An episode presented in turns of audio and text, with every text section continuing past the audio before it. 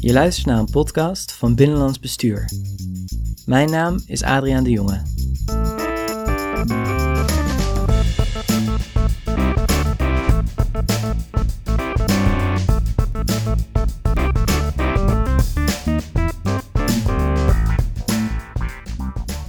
Na maanden van lockdowns, mondkapjes en contactbeperkingen gaat de samenleving langzaam steeds verder open.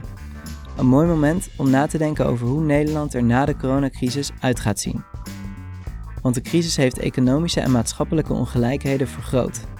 In deze podcastserie ga ik, Adriaan de Jonge, redacteur bij vakblad Binnenlands Bestuur, op zoek naar de oorzaken achter die groeiende kloof in de samenleving.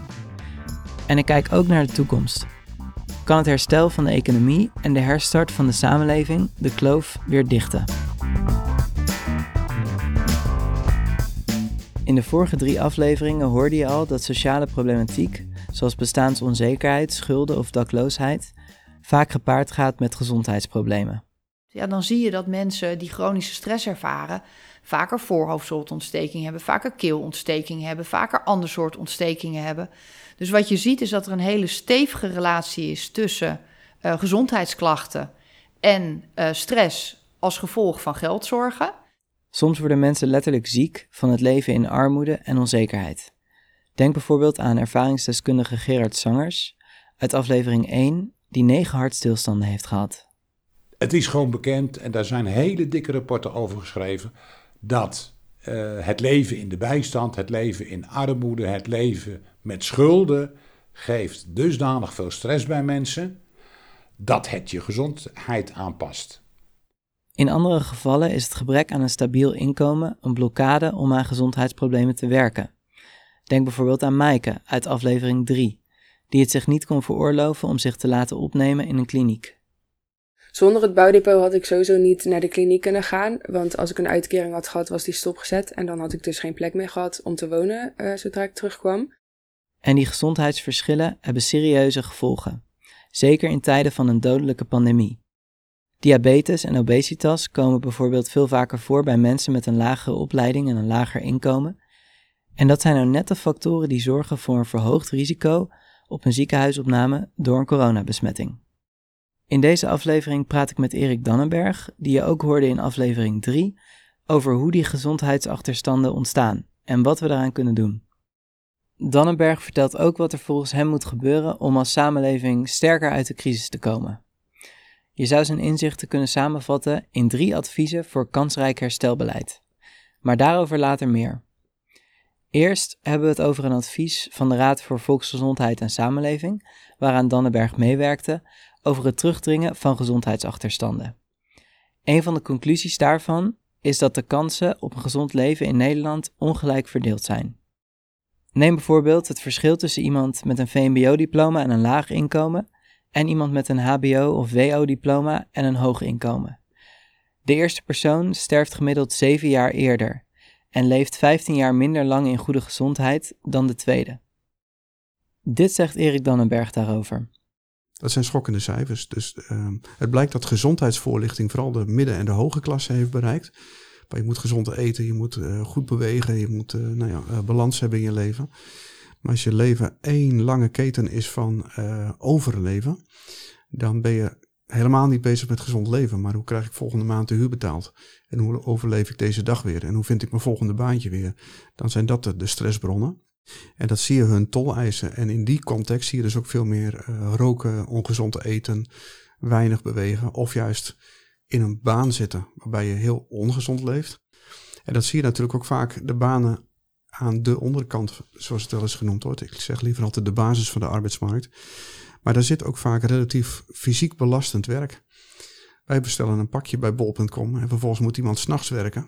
Wat ook uh, fysiek uitputtend is en uit alle onderzoeken blijkt heel ongezond is.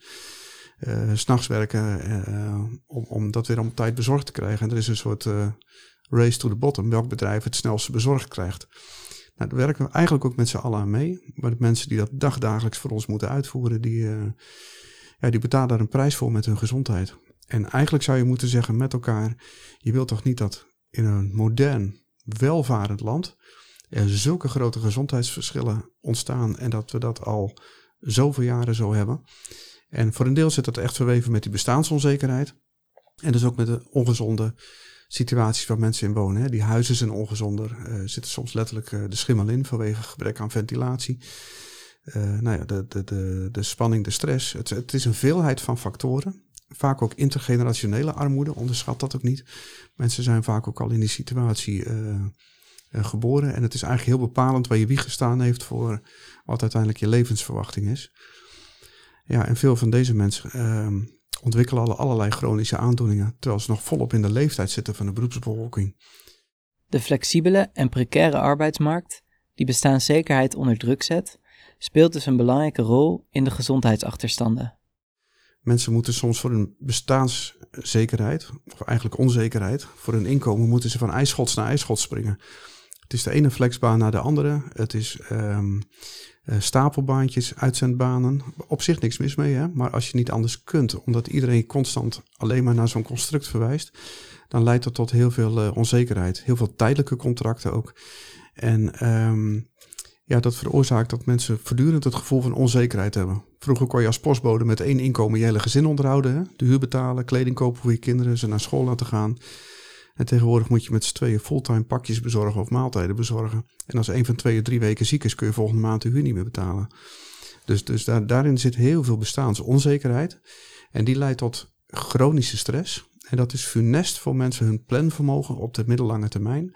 En het is ook funest voor hun uh, mentale en fysieke gezondheid. En uh, daarmee zie je soms ook spanningen in gezinnen ontstaan, uh, richting de kinderen bijvoorbeeld. Kort lontjes, slecht slapen, onregelmatige diensten, heel veel onzekerheid. En in het sociaal domein in gemeenten zie je steeds vaker de interactie tussen die dingen. Ik was een tijdje terug bij de gemeente Vught op werkbezoek. Uh, dat was nog net voor corona. En uh, maar daar vertelden mensen van het uh, wijkteam. soms blijkt schuldhulpverlening de beste vorm van jeugdhulp te zijn. Want de spanning in zo'n gezin van dokter, ik slaap er niet meer van, heeft u iets voor me? Alle ruzies gaan over geld. In die context van die permanente spanning, het schrikken van elke klepper in de brievenbus, schrikken van de voordeurbel, hè, weer een deurwaarder, uh, dat, dat het zoveel spanning geeft dat je ook een heel kort lontje naar de kinderen krijgt. En dan voor je het weet heb je in sommige huizen dat er af en toe ook een klap valt. En dat kinderen op school uit de rails gaan lopen. Dan kun je die kinderen wel allemaal indicaties en zorgtrajecten gaan geven. Maar het aangrijppunt zit hem in uh, kunnen we die mensen beschermen tegen een overclaim van, van schuldeisers. Dus zo gaan we steeds vaker die patronen zien. En zoals schuldhulp een vorm van jeugdzorg kan zijn, kan het versterken van de sociale zekerheid ook gezondheidswinst opleveren. Ja, daarom uh, appelleren wij ook al eens dat die ministeries veel beter samenwerken voor dit soort grote maatschappelijke vraagstukken. Want dit zit vaak heel erg bij het ministerie van VWS. Hè, terwijl de aangrijppunten misschien wel bij economie en bij sociale zaken uh, zitten als het gaat over nou, hoe richt je de arbeidsmarkt in en uh, welke zekerheden geef je aan mensen. En uh, denk ook aan al die kinderen die in armoede opgroeien, rond de 300.000. Die krijgen al zo'n last op hun schouders mee, ook voor de ontwikkeling naar hun volwassen leven. En de kansenarmheid die ook met die armoede gepaard gaat. Dat wil je toch echt doorbreken. Dat moeten we beter doen gaan, uh, in dit land. En dat kan ook, uh, maar dan moet je net als we in het verleden de grote ziektes hebben bestreden, van tyfus en cholera en, en difterie en dysenterie. Toen was ook niet de oplossing alsmaar meer ziekenhuizen bouwen en meer dokters en verpleegkundigen erbij. De oplossing was het riool en schoon water. Weet je wel? En toen daalde de, de ziektelast onder de bevolking enorm. Denk ook aan de Rijksvaccinatieprogramma's, waardoor de zuigelingensterfte enorm daalde. Uh, dit soort zijn voorbeelden dat je het soms op een andere plek moet oplossen om iets te bereiken in waar eigenlijk je grootste vraagstuk zit. Beleid via de band. En daarvoor moeten ook die ministeries echt goed samenwerken. Dat brengt ons bij het eerste advies voor een kansrijk herstelplan. Beleid maken is als een biljartspel. Soms kun je je doel het beste bereiken door via de band te spelen. De oplossing voor gezondheidsachterstanden ligt misschien niet in de gezondheidszorg, maar in het ruimtelijke of het sociale domein. Om dat biljartspel goed te spelen, zou het helpen als de verschillende beleidsterreinen meer met elkaar vervlochten raken. Voor de WMO ben je uh, een kwetsbaar zielig iemand die geholpen moet worden. In de participatiewet ben je een potentiële fraudeur en we moeten alles toetsen op rechtmatigheid. En het is vrij rigide beschreven wat je doen moet. Hè? Ook als, als uh, iemand zich niet helemaal aan de regels of aan de inlichtingenplicht heeft gehouden. En eigenlijk zou je willen in die wet in het sociaal domein dat, dat veel meer geharmoniseerd wordt vanuit mensbeelden. En meer ruimte creëert voor de uitvoering om naar bevind van zaken te handelen. En dat, uh, Ja, dat, ik, ik denk dat dat een goede ontwikkeling zou zijn als, als we die kant op gaan. Misschien komen we wel een keer uit in, op uh, één bed in het sociaal domein. Waarin mensen heel samenhangend kunnen helpen op hun inkomen, op hun kind uh, die van school gestuurd is, op uh, hun gezondheid, op hun schuldenproblematiek. En dat je niet tig loketjes hebt met allemaal een eigen dynamiek. Maar dat je gewoon in dat ene huishouden samen met hen tot een plan kunt komen. En dan ongehinderd door al die hokjes, vakjes, schotjes en financieringsstroompjes. Dat je gewoon uh, op die manier uh, je werk kunt doen. Dat, dat lijkt mij een mooie ontwikkelingsrichting. Advies nummer 2. Zorg ervoor dat de regels en procedures geen doolhof zijn, maar een voorspelbaar en begrijpelijk systeem. Ontwerp de processen op ooghoogte van de mensen om wie het gaat. Benut veel ervaringsdeskundigen die precies op hun level kunnen zeggen wat gebeurt er nou als je van bijstand gaat naar gedeeltelijk werken of naar volledig werk. Er is recent rapport verschenen dat heet Als verrekenen een beperking wordt. Uh, wat precies laat zien wat er op, ooghoogte van mensen in hun processen gebeurt als je met al die stelsels te maken krijgt. En ik denk, uh, ontwerp het nou eens niet als een doolhof, maar als een, uh, een logisch samenhangend geheel waarbij je ook goed in de verte kunt kijken. We weten een goed wegennet te ontwerpen. Er staan overal borden. Je weet waar je aan toe bent, waar je naartoe moet. We hebben eenzelfde soort lijnenstelsel in Nederland. En dat geeft een soort vertrouwen om aan het verkeer deel te nemen. En ook in het hele sociale zekerheidsdeel en werk, maar ook in de rest van het sociaal domein. Het moet logisch voorspelbaar zijn. Uh, je moet snappen wat er met je inkomen gebeurt als je een keer een, uh, een verandering hebt. Dus, dus dat uh, ontwerp het samen met de mensen om wie het gaat. En mensen die dat soort dingen goed kunnen duiden. En het moet een veilig systeem worden. Als mensen zich veilig voelen, positief geformuleerd bestaanszekerheid hebben, dan durf je een volgende stap te zetten. Gewoon heel menselijk, wanneer durf je een opleiding te starten, een huis te kopen, een gezin te stichten, uh, een auto te kopen. Weet je wel, dat is als, als je een soort van zekerheid hebt, dan durf je een volgende stap te zetten.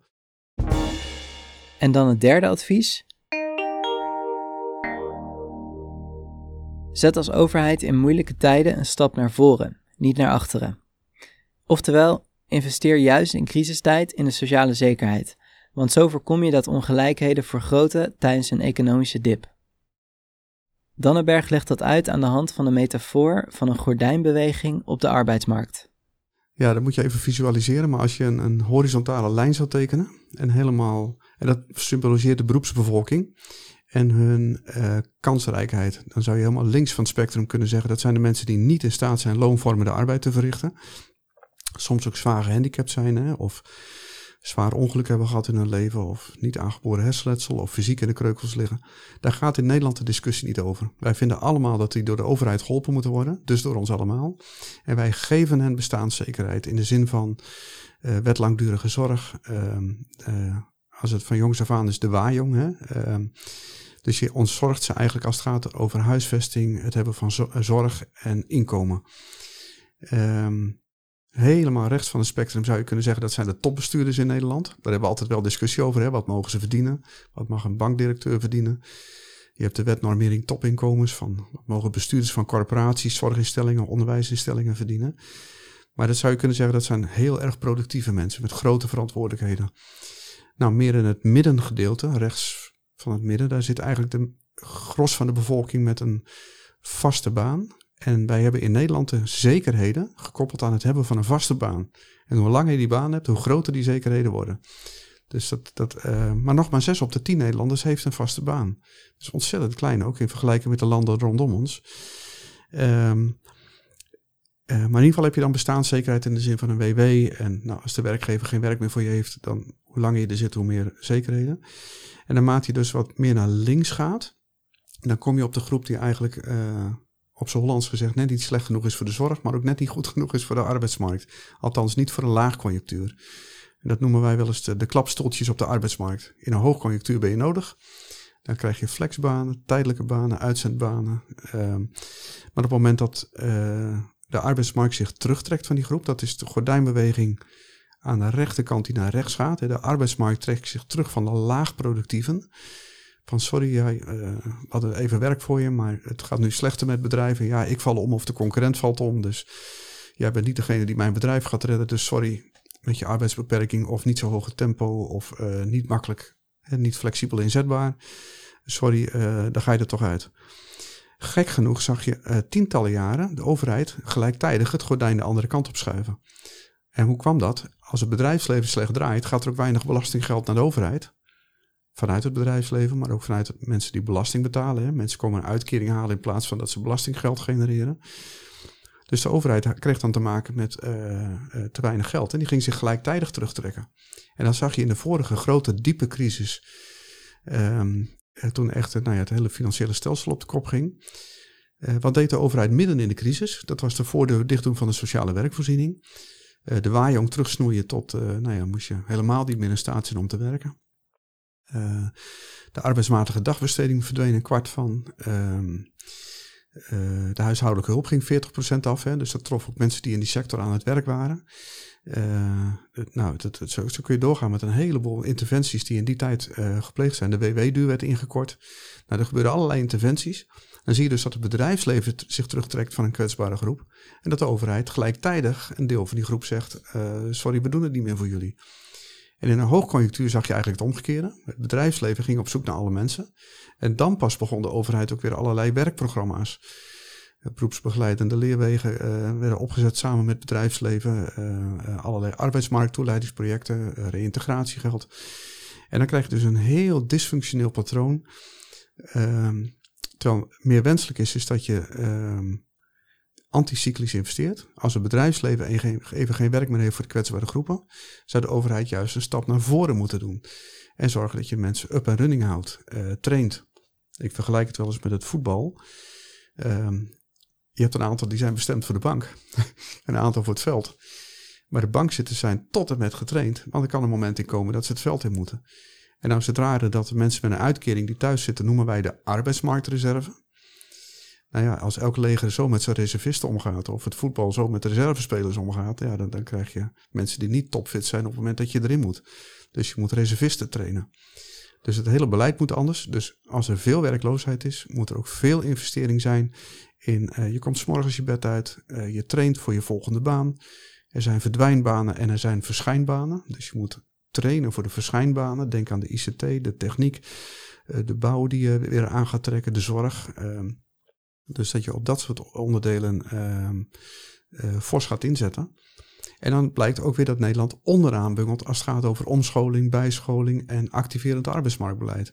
Nou ja, dat maakt het werk in de uitvoering bijna onmogelijk. En is daar in deze crisis iets in veranderd?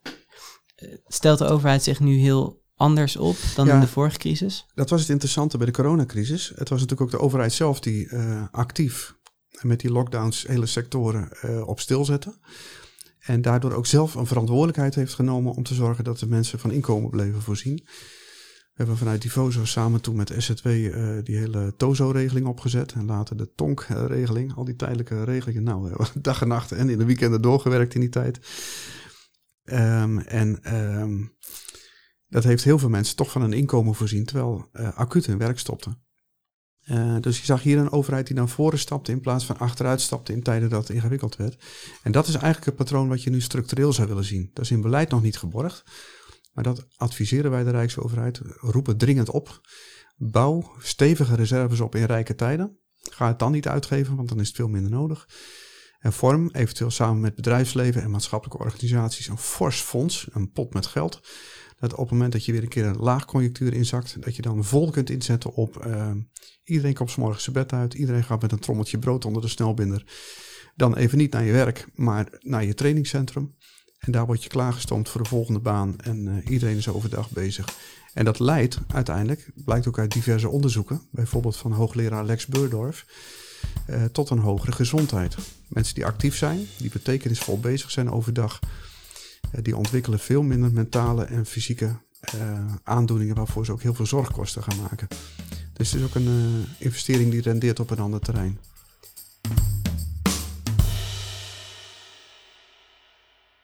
Nou, als laatste, um, zou de coronacrisis een, een trendbreuk kunnen zijn als het gaat om al deze groeiende kloven. Denk je dat we over 10 of 20 jaar misschien terugkijken op de crisis en dat dan als uh, keerpunt zien? Ik hoop het. Het is zo'n wake-up call. Aan de andere kant, het kan ook weer snel vergeten zijn. Hè? Dus ik hoop wel dat we de, de visie op een includerende samenleving vast weten te houden. Ook voor mensen met een arbeidsbeperking.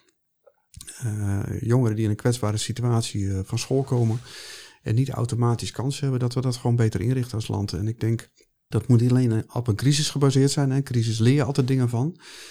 Maar het moet structureel geborgd worden dat je gewoon zegt, uh, we zien mensen met kansen. Want het is tekenend dat na de vorige crisis kwam er een hoogconjunctuur. En ondanks de hoogconjunctuur stonden nog steeds anderhalf miljoen mensen met een uitkering langs de kant. Nou, misschien dat een half miljoen echt niet kan, hè? Dat, maar dat is dan de groep waar de discussie niet over gaat. Daar zorgen we samen voor. Maar een heleboel mensen die stap naar de arbeidsmarkt toch niet konden of uh, durfden te maken, omdat we die wereld zo heel gevaarlijk hebben ingericht.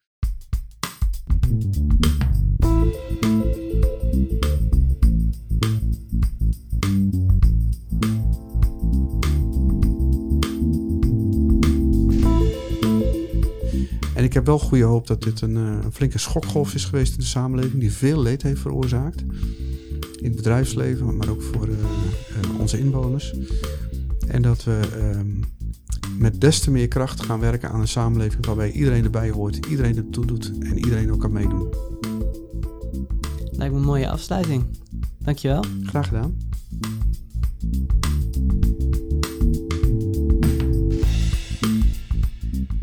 Dit was de laatste aflevering van deze serie over de herstart na corona.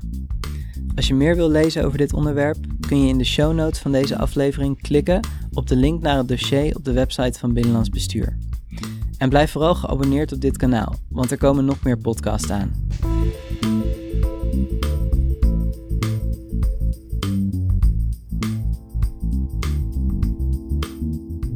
De research, productie, interviews, presentatie, muziek en montage voor deze serie zijn gedaan door mij, Adriaan de Jonge. Als je me wil laten weten wat je vond van de serie, kun je mijn contactgegevens ook in de show notes vinden. Dank voor het luisteren.